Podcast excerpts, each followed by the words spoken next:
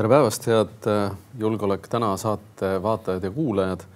alustame äh, küünlagu esimese saatega ja täna räägime teemadest, äh, mis on seotud suvesõjaga Ukrainas, sest sõda tõenäoliselt kestab pikemalt kui, kui võib-olla alguses arvatud.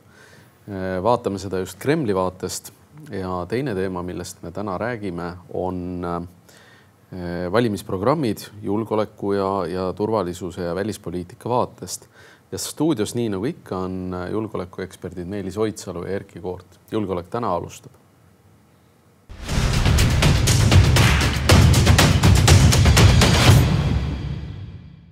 minema eh, esimene teema, Sauroni silm Ukraina poole, et kui tavaliselt vaadatakse hästi palju seda sõjasündmusi Ukraina poole pealt vaadatuna, sest noh, Ukraina pakub ilmselgelt rohkem informatsiooni avatumalt ja, ja noh, on selge, et on esiteks palju sõjahaudu, teiseks on noh, oma kaotustest täpselt äh, sõjas ei, ei tahetagi rääkida, sest see võimaldab hinnata vastase järgi jäänud reserve. aga noh, ilmselgelt Ukraina jätab vähem rääkimata ja, ja noh, otsestelt valedelt sellistelt nagu Venemaad noh, ei ole, ei ole tänaseks tabatud, eks, et äh, et kui me võtame selle äh, Kremli, Kremli poolst vaate või vaate Kremlist, siis tegelikult äh, noh, ühelt poolt ei ole midagi rõõmustavat, et sisuliselt Venemaa on kaotanud eh, hinnanguliselt siis selle kontingendi, kellega ta Ukrainat võtma läks eh,. nüüd on tehtud uued eh, mobilisatsioonid on ju, pidevalt tuleb inimesi sinna peale. noh, on ilmselge, et kui Venemaa kavatseb sõdida ka sügisel siis tal on uusi inimesi vaja, sellepärast et äh, väga suured inimhulgad on tegelikult ära kulutatud ja samamoodi on väljakutseks äh, tehnika. ja kui mina vaataks sellesama Sauroni silmaga praegu olukorra peale, siis mind tegelikult huvitaks rohkem järgmine aasta kui see aasta. et hetkel on selge see, et lahinguväljal ka suveks ennustusi teha on keeruline noh, kui vaadata mõlema poole kurnatust ja praegu Bahmutis ka seal käib kurnamine vastased tahavad siduda üksteise ressursse, et nad ei suudaks regenereerida pealetungiks vägesid. mõlema eesmärk on see ja mõnes mõttes on nad mõlemad natukene kurnamislõksus. ja vaadates ka seda, et Ukrainale ei ole noh, tulnud otsustaval määral veel pealetungi võimaldavat abi tänaseks, siis äh, ma arvan, et äh, Venemaa teeb juba nii-öelda järgmise aasta kalendrit, kahekümne neljanda aasta meelsuskalendrit ja vaatab, mismoodi see asi võiks siis edasi minna ja osaliselt ta hoiab silma peal siis sellel samal Rammsteini koalitsioonil ja kahe suurema liitlase USA ja Ühendkuningriigi tegevusel, kaasa arvatud selle osas, kas näiteks käivitatakse sõja tootmine uuel tasemel läänes, mis on Venemaa hinnangul ka lääne üks paradoksaalsel kombel nõrkusi, tootmiskvaliteet ja tooted on väga head aga tootmisliine pole, millel neid sellises mahus kasvõi näiteks suurtükk, suurtükimoona, mille, millele neid sellises mahus juurde toota, et Ukraina saaks edukalt teha oma nii-öelda etteasteid, et praegu, kuna seda otsustamatust endiselt on palju lääneliitlaste poolt, hea küll, alguses oli Venemaale šokk, ma arvan, nad saidki, Putin sai, kõik said šoki sellest, et et Ukraina ei langenud ja et kõik ikkagi tulid materjaliga appi niivõrd-kuivõrd, kuigi seati endale ka mingeid piiranguid. tänaseks on mingi kohandumine toimunud, Vene eelis, mida nad ise peavad enda eeliseks arvatavasti, on see, et nad suudavad ebainimlikul moel kohanduda, mida lääs ei suuda. ebainimlikkus ei ole nagu läänele omane, vähemalt selline avalik ebainimlikkus mitte, kui me jätame välja Guantanamo vangilaagrid ja muu sellise jama, mida USA ka korda saatis siin aga äh, tervikuna ma arvan selles mängus jah, et Venemaa vaatab praegu järgmist aastat juba natukene. ja ma arvan, sul on õigus, sellepärast et äh, eks see Venemaa on ilmselgelt läinud pika sõja pidamisse, noh, milleks on vaja on ju kõiki neid vahendeid ja, ja inimesi. noh, ilmselgelt on, on uue olukorraga siis lepitud või ütleme, et see see, see meelsus on järgi tulnud. ma arvan, et, et Venemaal on noh, enda jaoks märgitud ära need postulaadid või punased jooned, eks, et mida ta arvab, et lääs ei, ei ületa. noh, üks nendest on, et sõda ei toimu Venemaa territooriumil. et kui vaadata praegu kogu selle relvastuse andmist näiteks kui pikalt käis see tankide debatt, eks, et noh, tank jälle, eks, mida on ka palju räägitud, ainuüksi ei ole imerelv, kuigi teatud rindelõikudes ta võib tuua väga suurt edu puhtalt kasvõi psühholoogilisest vaatenurgast. aga, aga noh, nii lennukite debatt, eks pikamaa rakettide debatt ja, ja kogu aeg see sõnum, et, et Vene territooriumi nagu rünnata justkui ei tohi Äh, samas on noh, Venemaal ka endal väga suur segadus, et kui vaadata näiteks kaitseministeeriumi viimast äh, avaldust, äh, kus ta teatas mingi pisikese küla vallutamisest Ukrainas, noh, mis jälle strateegilises plaanis on noh, mitte midagi, on ju, et, et Šveikist paralleeli tuues, et kärbsed lasid keisrihärra pildi täis. territoriaalses nagu... plaanis midagi, aga Ukrainale põhjustatud kaotuste plaanis siiski märkimisväärne on kogu no, see Bahmuti madin seal, jah? ütleme niimoodi, et, et ega e, ukrainlaste kaotusi ei tohi seal alahinnata, see on selge, et ukrainlaste väed kuluvad, aga noh, strateegilises plaanis selle territooriumi mõttes ja, ja noh, tähtsuse, selle küla tähtsuse mõttes noh, suht vähetähtis asi. aga miks ma sellest rääkima hakkasin? Hakkasin sellepärast, et Venemaa kaitseministeerium äh, oma avalduses teatas, et äh, vabastati siis äh, Donetski rahvavabariigi territooriumi. et noh, mina mäletan, et Putin kuulutas need Venemaa osaks, mis tähendab, et Donetski rahvavabariiki sellisel nagu subjektina, nagu Venemaa seda varem tunnustas, noh, tegelikult eksisteerida enam ei saa. no ehk et ka seal on noh, totaalne segadus, noh, rääkimata sellest, et ka Äh, Venemaa saatkonnad äh, Euroopas ja, ja USA-s on oma postitustes äh, märkinud ka Krimmi Ukrainale kuuluvaks. et tegelikult on, on selliseid kaarte levitavad selliseid. kaarte levitanud jah, ma usun, et need on tänaseks kustutatud, aga, aga selliseid juhtumeid on olnud, kus mõni siis lääneriigis asuv Venemaa saatkond on, on siis propaganda eesmärgil tahtnud näidata, kas mingi, see oli vist kütuse hinnakaart ja noh, Ukraina oli territoriaalselt terviklik seal, et, et selles suhtes kaasa arvatud Krimm ja kõik Donetskid, Luganskid. aga noh, ilmselgelt, mida me oleme ka varem tõennud, et, et noh, Moskvast vaadates on oluline murendada lääne ühtsust. ma arvan, et, et seal on aru saadud, et mingi piirini või mingist piirist üle nad ei suuda tänas, täna minna. Nad kindlasti töötavad selle nimel, kaasa arvatud nende varasemad, kas siis uinutatud või muul moel äh, lääne ühiskonda istutatud mõjuagentide kaudu ja. ka Eestis. Balkani pingete kütmine. ka Balkani pingete kütmine, aga kui sa oled tähele pannud, siis äh, äh, Lavrov ja mõned kõrged ametnikud veel teevad selliseid Aafrika tuure. noh, miks nad teevad, eks sellepärast, et koloniaalminevik välistab osadel riikidel tegelikult Euroopa Liidu liikmesriikide toetamise. Venemaa seevastu on äh, noh, Aafrikas olnud, eks nii kuuekümnendatel kui seitsmekümnendatel ja, ja mõnedki on lõpetanud ka Moskva selle Lubumba, Lubu, Lumumba, nimelisi, nimelisi ülikooli, Patrick Lumumba nimelise ülikooli.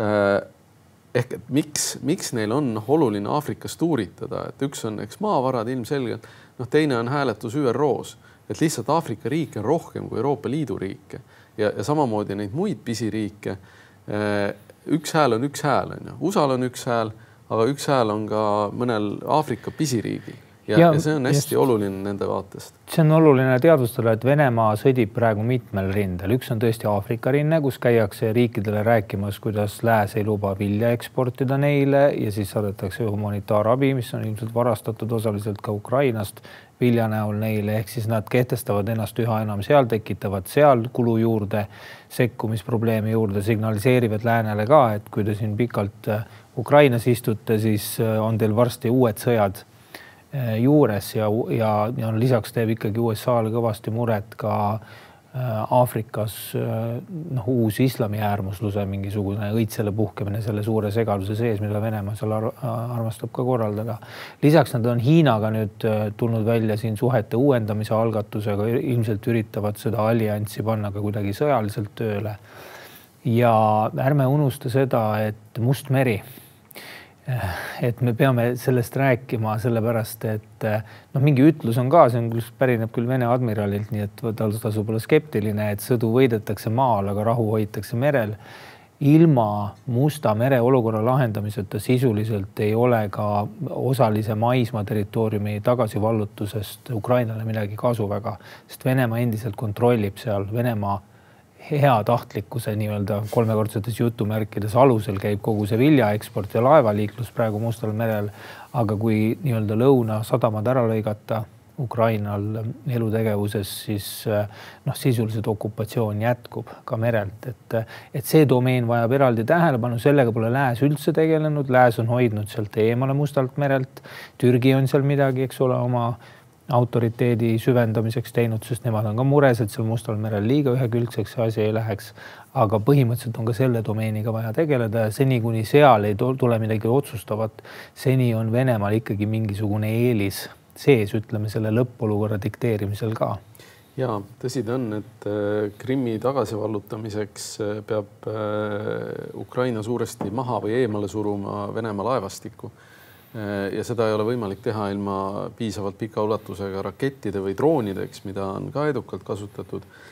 Äh, tulles nüüd korraks nende äh, erasõjavägede juurde või niisuguste vürsti, vürstivägede juurde. noh, ütleme niimoodi, et Venemaa on, on neid kasutanud e-, edukalt siiamaani Wagneri palgaarmee on olnud sisuliselt äh, kindralstaabi pea või selle luure peavalitsuse äh, selline mehhanism, eks GRU mehhanism, mille kaudu nad on toimetanud hästi palju. eks seal on ka tülisid, see on selge, on ju, süsteemid ei ole, ei koosne kahest või kolmest inimesest, vaid kümnetest tuhandetest. ja teine on siis äh, Luganski ja, ja Donetski sellised äh, vürsti, vürstiväed, äh, mis on natuke olnud äh, GRU, aga ka FSB selline noh, ütleme oma väed.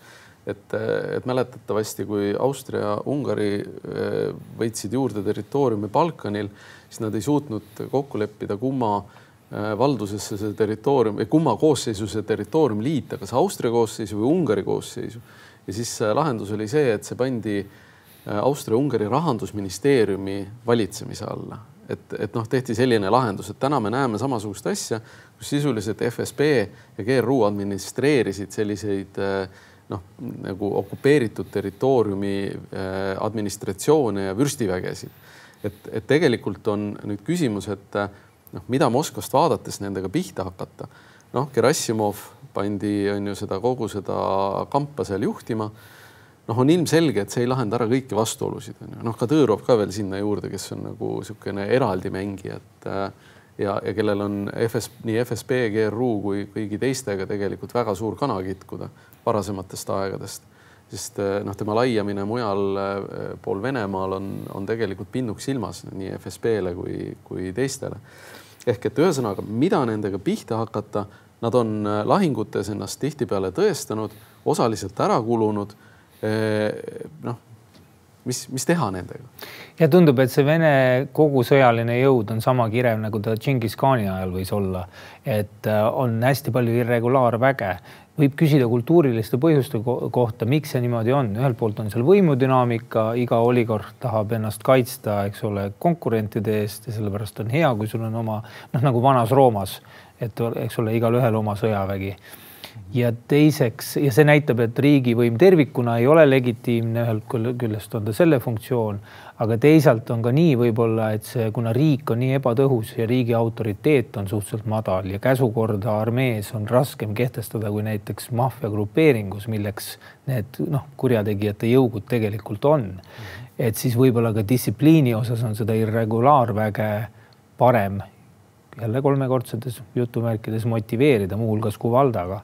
et, et noh, et see võibki nii äh, paradoksaalsel kombel olla, et Vene riik tõhusam mingites olukordades on nendes süsteemides, kus on selgem hierarhia ja surmanuhtlus selle hierarhia tagamiseks.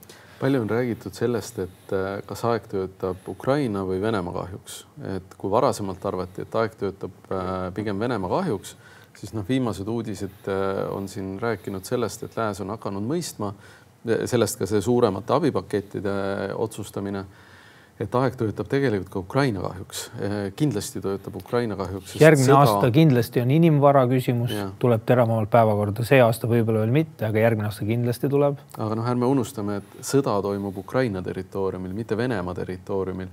kui sõda toimuks Venemaa territooriumil, siis hakkaks aeg töötama võib-olla ka Venemaa kahjuks ehk ühesõnaga Venemaa võib sisuliselt ära kulutada noh, kogu oma väe, ta võib-olla taganeb sealt Luganskist, ukrainlased suudavad mingi aeg välja suruda, aga ta ei pruugi lõpetada selle Ukraina alade ründamist nii Mustalt merelt kui ka oma põhiterritooriumilt ja ka Valgevenest.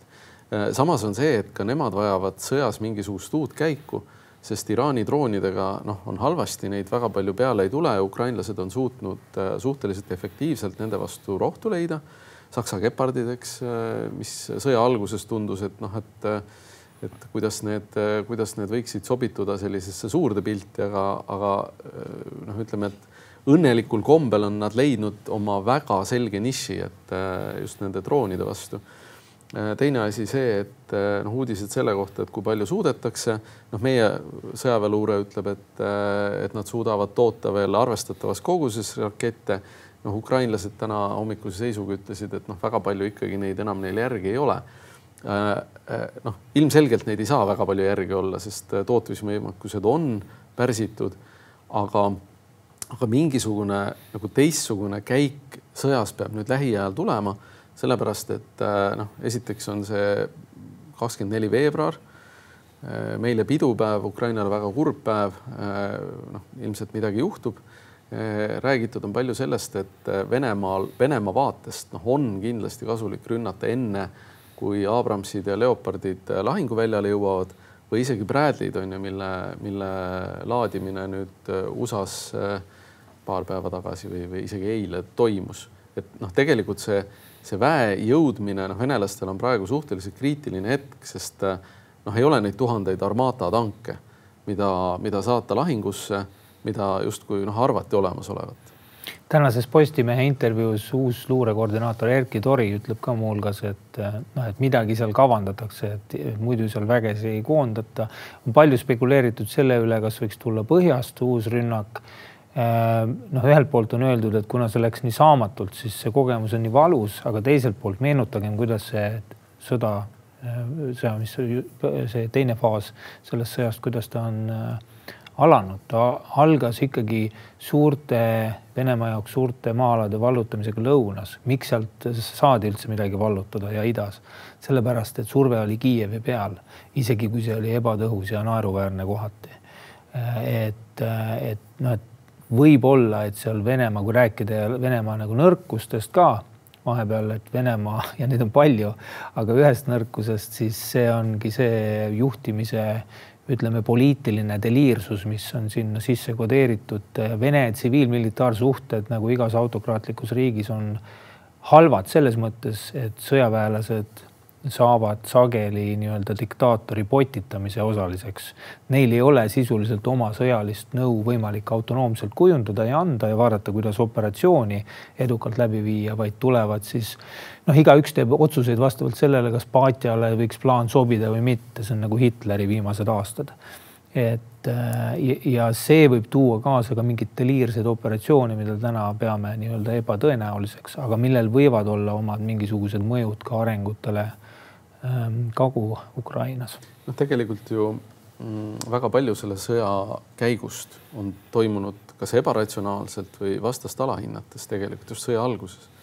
noh, fakt on ka see, et Venemaa on tänaseks aru saanud, et selle taktikaga, millega nad alguses peale läksid, noh, lihtsalt kolonnidega sõita, sõita nii-öelda kõik pikali, noh, ei ole võimalik, et, et ukrainlased täna ei lase neid kindlasti Kiievi peale selliselt tulla nagu nad tulid sõja alguses.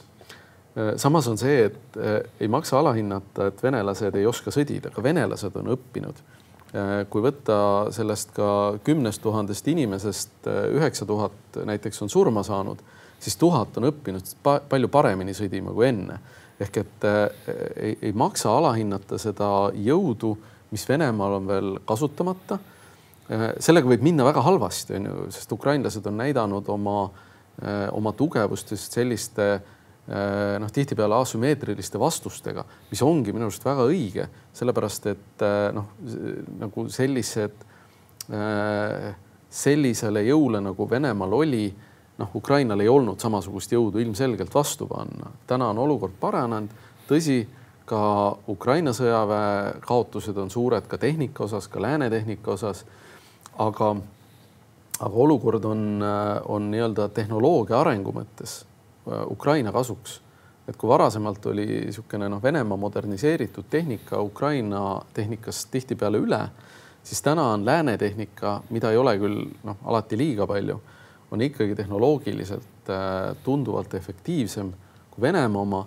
Vene probleem on või ütleme noh, Venemaa vaatest on lihtsalt see, et seda massi on piisavalt ja, ja tegelikult äh, kuigi Venemaa sõjavägi on näidanud äh, üles väga palju nõrkust, siis äh, see ei ole muutnud olukorda Venemaal. Äh, kindlasti oleks hukkunud palju vähem venelasi, kui nad oleks Putinile vastu hakanud. täna on noh, aeg-ajalt jälle mingid sõduri need pereliikmed, eks, kas naised või emad midagi postitavad, pöörduvad Putini poole, aga noh, seni kuni Venemaa suudab kontrollida sisemist olukorda ja, ja noh, ütleme rahvuskaart ja, ja FSB on veel väga tugevad. seni Venemaal mitte midagi sellist värelust ei juhtu, et ei, ei, ei maksa oodata. kui seda siiamaani pole tulnud, ei tule seda ka järgnevatel kordadel, et see surutakse suhteliselt brutaalselt lihtsalt maha. inimesed pannakse vangi juhtimise poole pealt on võib-olla oluline erisus, et kus Ukrainal on eelis ja miks Venemaa on nii palju kohmerdanud, lisaks sellele, et see juhtimissüsteem on läbi mõtlemata.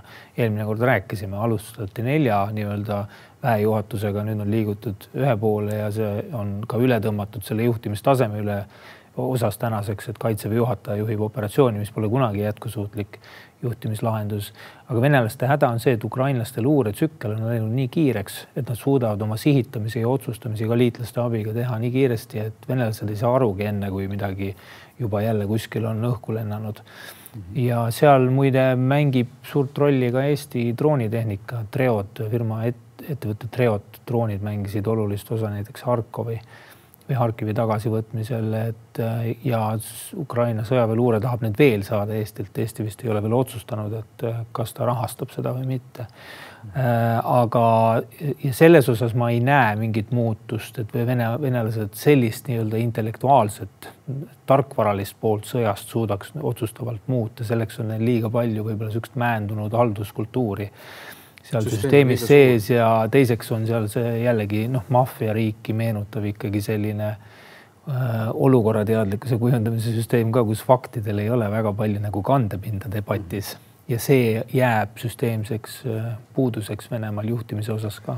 ma arvan, et, äh, et kui võtta nagu teema, see teema kokku, siis äh, tundub, et Venemaa pigem tahaks praegu olla sellises küll ründavas positsioonis, jõudu liiga palju pole. Äh, lähiajal noh, Venemaa vaatest oleks kasulik läbi viia mingi suurem pealetungioperatsioon, võib-olla isegi mitte Bahmuti äh, paigasse nihelemine, vaid kas Lõuna-Ukrainas või, äh, või näiteks uuesti Harkivi peale minemine, et võib-olla see Kiiev ei olegi nagu kõige mõistlikum tee tegelikult. Harkiv on lihtsalt lähemal ja selle langemine oleks väga-väga suur kaotus, kui, kui nad selle suudaksid ära teha Äh, teisest küljest on see, et, äh, et äh, noh, Venemaale on selline positsiooni paigal hoidmine kasulikum kui Ukrainale, sest Ukraina tahab ilmselgelt oma maad vabastada. noh, ütleme, et iga sõdur tahaks tegelikult koju naasta, et ega keegi ei taha elada kaevikus. nii et selles suhtes on see natukene see vastandlik, vastandlik see need soovid, mõlemad tahavad sõda võita loomulikult, eh, aga noh, kui Venemaa suudab suruda Ukraina piisavasse kaitsesse eh, piisavalt pikalt, et lääs hakkaks noh, loobuks abi andmisest, siis see noh, on ilmselgelt Venemaa eesmärk, et hoida seda rinnet seni kasvõi paigal, kuni, kuni lääs väsib. mulle tundub, et läänes on ka, võib-olla see on optimistlik Äh, lähenemine, aga läänes on ka maad võtmas veendumus, et patiseis Ukrainas praeguses olukorras tähendaks läänele kaotust ja tähendaks ka Ukrainale pikas perspektiivis kaotust. et tundub, et sellest on üle saadud, aga seda veel ei nähtu ka lääne otsustes, kaasa arvatud siis pikaajalise massiivsema sõjatööstuse käivitamises, mis on kõige võib-olla olulisem osa praegu ja olulisem otsus, mis hetkel on tegemata. Suurbritannias juba arutelud käivad näiteks, kas Poola rajada mingisugune moonatehas ja, ja, ja muid võimekusi, remondivõimekusi veel juurde. aga tõmbame selle teema kokku, et äh, suvesõda Ukrainas kindlasti saab olema kuum, sellepärast et ega Venemaa ei väsi ja, ja huvi mõlemalt poolelt, äh, kuigi võib-olla mõnikord äh, erineva strateegiavalikuga on, on ilmselgelt olemas, aga vahetame teemat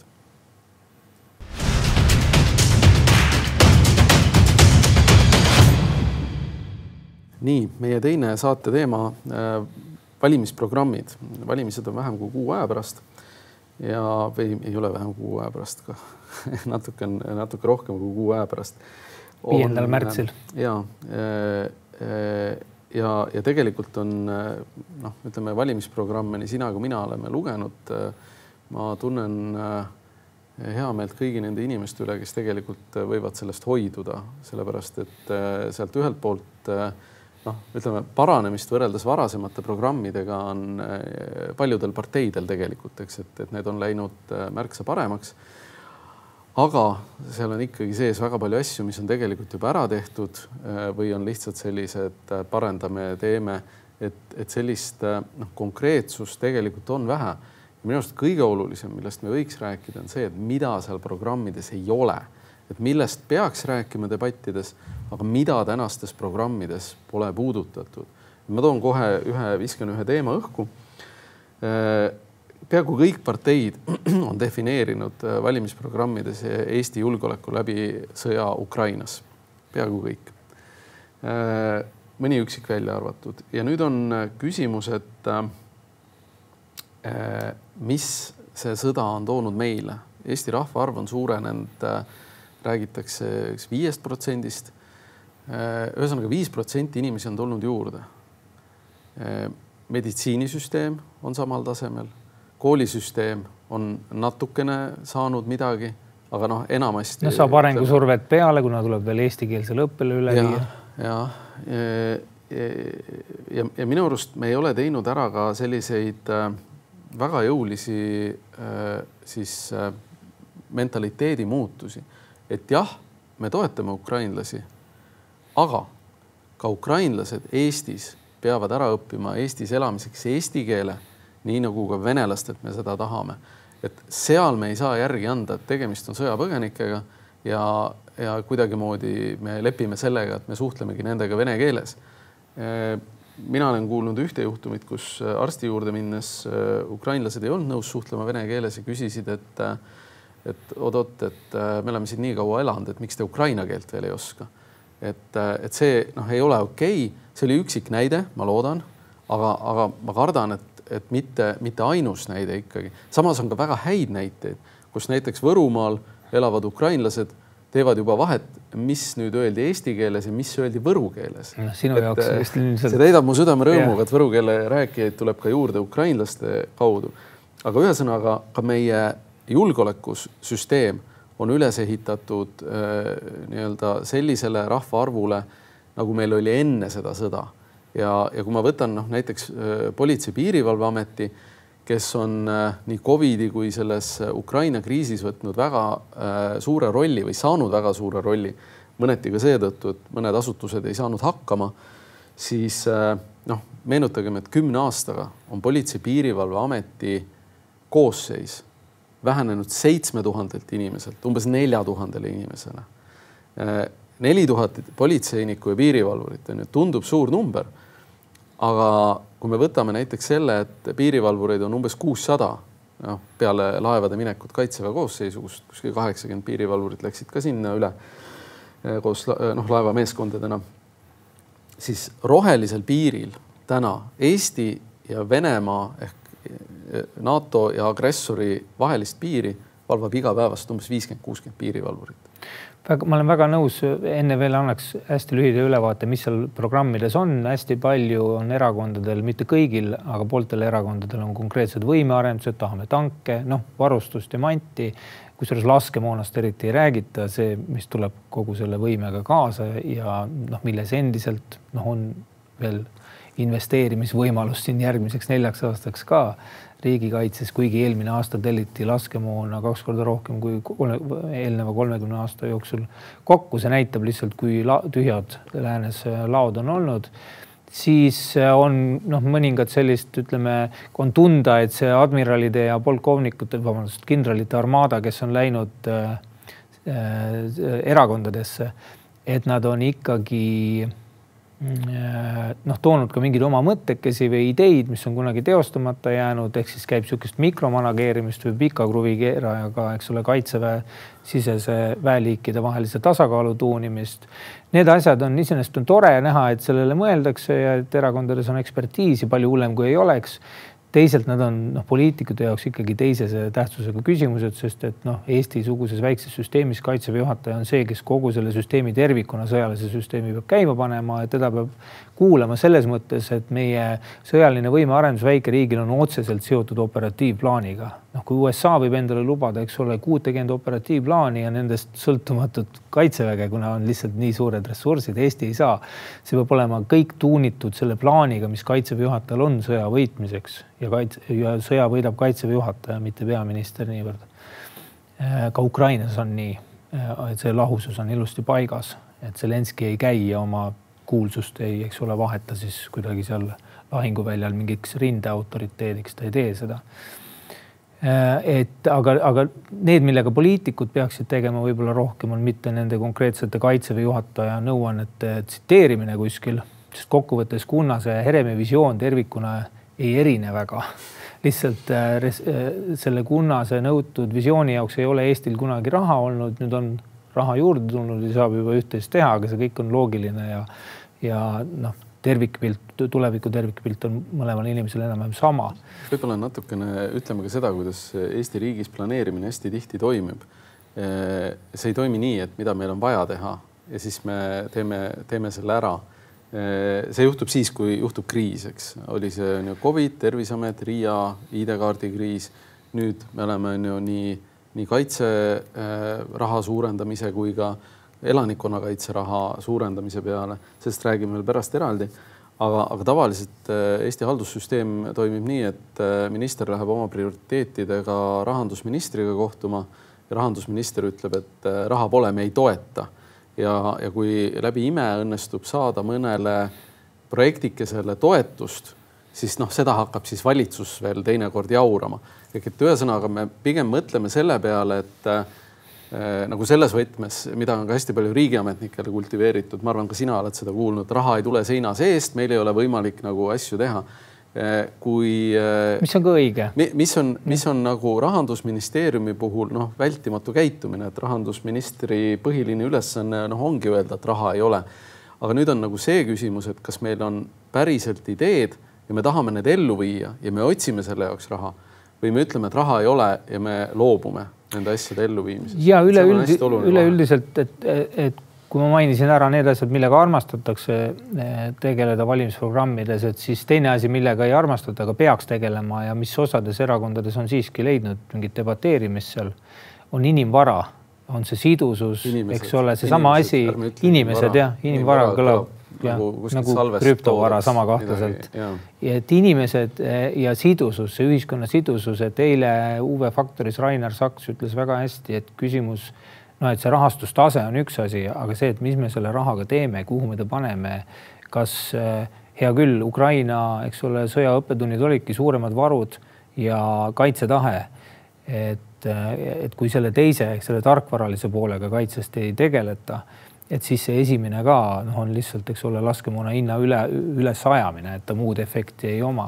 Et, et laiemalt jah, mingid inimvara küsimused, selle, need küsimused, kuidas tõsta reservteenistus ehk see reservvägi, mis moodustab meie kaitseväe selgroo au sisse, kas luua mingeid maksusoodustusi, luua mingeid tingimusi Äh, kuidas inimesed ennast riigikaitsest tähtsamana tunneksid, et see on see debatt, mida võiks pidada. Ja noh, üleüldise raamistuse poole pealt ka, et kui me endiselt jääme kinni, meil on see komme, meil on nüüd tulnud järjest kriisid ja noh, on levinud selline suhtumine, et küll me valitsema hakkame, kui kriisid on möödas.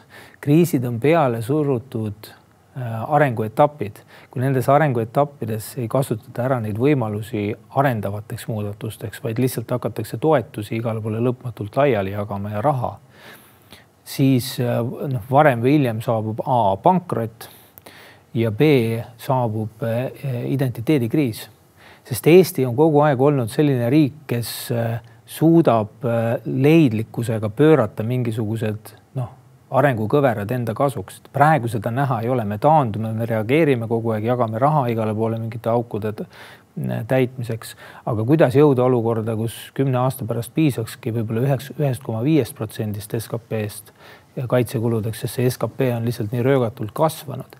sellega tuleks nagu tegeleda ja seetõttu noh, jällegi julgeolek raamteemana on mugav, sa saad juhtida riiki nagu päästekomandot ja olla igaühe vastu valikuliselt hea, sest et on kriis. aga noh, tervikuna võiks selle igasuguste võimeloeteludega lehvitamise siin valimiste eel ära unustada ausalt öeldes ja tegeleda nagu päris küsimustega, toimetuleku küsimustega, sidususe küsimustega, millel, nagu sa ütled, on julgeolekule pikemas perspektiivis olulisem mõju kui võib-olla isegi noh, mingil hulgal laskemoonal. No tuleb arvestada jah sellest, et, et kui me räägime laiapindsest riigikaitsest, siis me oleme teinud otsused riigina sõjalise riigikaitse suuremaks rahastamiseks suhteliselt konsensus on elanikkonnakaitse rahastamiseks, aga noh, samas elanikkonnakaitse peale reaalset raha täna olemas ei ole, on selleks aastaks, järgmiseks pole, aga laiapindses riigikaitses on veel osiseid ja, ja seal äh, noh, on ütleme selline äh, noh, kuidas ma ütlen nagu president Kersti Kaljulaid kunagi ütles, et, et teised peale kaitseväge valmistuvad siis riigikaitseks järgmisel eelarveperioodil et tegelikult on see päris tõsine probleem. Eh, noh, ma tean ise, et kaitseministeerium on asutustele öelnud, et see on teie kehv planeerimine ma ei ole sellega absoluutselt nõus. mina olen nõus, ma olen seda ise, ise kogenud ja mulle tundub, ma vaidlen sinuga siin. lihtsalt sul on, vaata, ma, ma toon. Lähme emotsionaalseks kohe. Lähme emotsionaalseks. mul on selle, see näide lihtsalt, et kui sa võtad, sul on igapäevaselt raha antud päästekomandode jaoks, Eestis on täna seitsekümmend kaks päästekomandot mm kui Päästeamet ei saa edaspidi elanikkonnakaitseks raha, aga see surve ja tellimus jääb alles ja otsus, siis, siis tuleb osa päästekomandosid kinni panna mm -hmm. ja nende raha panna teistele. Et siseministeeriumi haldusalas ja ka teiste ministeeriumite haldusalas ei ole kunagi seda puhvrit tekitatud. sa oled igapäevaselt -hmm. nii-öelda täidad lahinguülesannet ja, ja sul ei ole aega, sul ei ole seda teadmist, noh palju on räägitud sellest, et jagame kõigile siis protsendid kätte. arusaadav, lihtsalt kui ma vaatan ka seda, kuidas noh, seda null koma viie protsendi elanikkonnakaitse rahastust on taotletud, siis natuke on seal tunda, et niisugust lobitegevust selle asemel, et planeerimistulemusi esitleda avalikkusele, kuhu see sada kaheksakümmend miljonit eurot kulub ja seda veenvalt ei ole tehtud, siin midagi äh, siseminister, siseminister väga üldiste lausetega tõmbas kogu nagu kõikide eluvaldkondade peale selle laiali, aga tehke siis, pange kodulehele välja see, mis need nagu vajadused on, sest mina väidan, et täna isegi Riigikantselei ei tea seda ja, ja, ja ei oma kindlust, et see rahastus oleks miski, mida peaministrile soovitada, see paistab välja ja selle debati tulemustest ka. helistada alati Päästeameti juhile ja, ja küsida, ühesõnaga konkreetsust, konkreetsust juurde, et kui teha lobi, ametkonnad teevadki lobi, tulebki teha, siis teha natukene konkreetsemalt ja usutavamalt, aga tervikuna ma olen sinuga nõus et see valdkond ongi noh, süsteemselt alarahastatud. ma lihtsalt ütlen seda, et äh, ma arvan, et äh, osa sellest ajast, kui sina seda planeerimist mäletad, suudeti elanikkonnakaitse rahast ära sisustada suhteliselt väike osa äh, aeg on praegu noh, kõvasti edasi läinud ja nad on. ja Ukrainast on õpitud paremaks. ka, Ukrainast on lihtsalt õpitud, õpitud.. aga, aga üks teema, mis ma veel tahaks tõsta, on see, et, et me räägime siin, et noh, me peame ostma rohkem laskemoona, eks rohkem torusid noh, okei okay,, elanikkonnakaitse on nagu selline uus meede, et mm. sa mäletad ilmselt ise, et kui kümme aastat tagasi mainisid kellelegi sõna varjendeid rahandusministeeriumi kuuldes või kellegi, siis kas naerdi välja või loobiti kividega noh, ülekantud tähenduses et see on nagu väga selge uus kvaliteet, kuhu me nagu oleme suundumas riigina. lihtsalt ajaloolise tõe huvides ja, ja kodanikualgatuse tunnustamise huvides tahaks öelda, et Naiskodukaitse on tegelikult kümme aastat järjepidevalt tegelenud sellega, taotlenud ka rahasid selle Ole valmis äpi tegemiseks.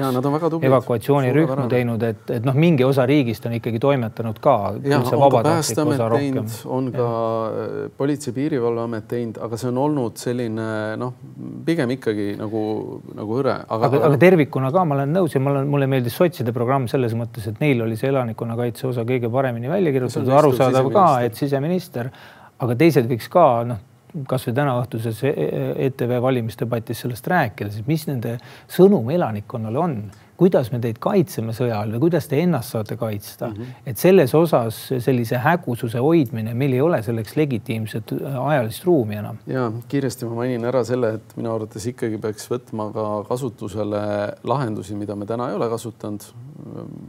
veel kord meenutan oma lemmiksõnumit, et Kartaago peab langema ehk et asendusteenistus peab saama. sina tahad Eesti... kõik panna orjusesse ja siis ei, otsustada, mida inimesed teevad oma ei, ajaga? kindlasti mitte, sellepärast et kaitseväe ajateenistus võib lugeda mõnede arvates ongi samasugune orjus, aga Eestis on täna ettevõtted, kes teenivad raha selle pealt, et äh, püüda inimesi ajateenistusest päästa ja reklaamivad, et kui palju sadu. üks endine veteran on jah natukene seal üle käte läinud. kui palju sadu inimesi nad on äh, sealt ära nihverdanud need kõik need kolmsada või nelisada inimest oleks pidanud minema ajateenistusse, siis neil ei oleks mingit huvi olnud pääseda ka sellest äh, või asendusteenistusse poleks olnud huvi pääseda ka ajateenistusest. nii et ma arvan, et see tegelikult tõstaks kvaliteeti. Mm. kui me vaatame Ukrainas, me ei vaja ainult rindesõdureid, me päriselt vajame ka hakkamasaamiseks äh, tagalat, et see on ülioluline. nii et ma arvan, et selliste teemadega tegelemist, millele me kas ei ole tähelepanu pööranud, aga mis on strateegiline muutus Eestis et kaks kuud pikem ajateenistus, vabandage, ei ole strateegiline muutus Eestis. nõus ja sellega tuleks tõesti üks strateegilistest teemadest on ka, mida ei lugenud valimisprogrammidest, aga võiks erakonnad ka jagada oma visiooni, Läänemere tulevik. Rootsi, Soome kunagi liituvad NATO-ga, me ei tea veel, millal täpselt äh,. loodetavasti õige pea, aga mis sellest regioonist saab, kuidas seda regionaalset uut võimet ära kasutada, muuhulgas Balti regiooni kaitseks. et äh, see on ka asi, millele võiks tõsiselt äh, otsa vaadata. ja tõsi, aga ma arvan, sellele me peame vaatama peale mõnes järgnevas saates, kui on natukene selgunud ka, mis toimub Türgi, Türgi suunal. Aga võtame, võtame selle kokku, et, et pigem on debatti, mina ootaks äh, teemade osas, äh, mida ei ole valimisprogrammides, mis ei ole otsustatud ja mis toovad strateegilist muutust Eestile. ja ma ütleks ka valijatele, et, et kutsuks ka teid üles küsima neid küsimusi et mitte, kas keskmaa õhutõrje tuleb äh, kaks tuhat, ma ei tea, kakskümmend neli maikuus või aprillis, vaid äh, mis on need, mis on need järgmised sammud, mis meie äh, turvalisust ja julgeolekut päriselt kindlustavad. aga suur tänu vaatamast, kuulamast ja järgmise korrani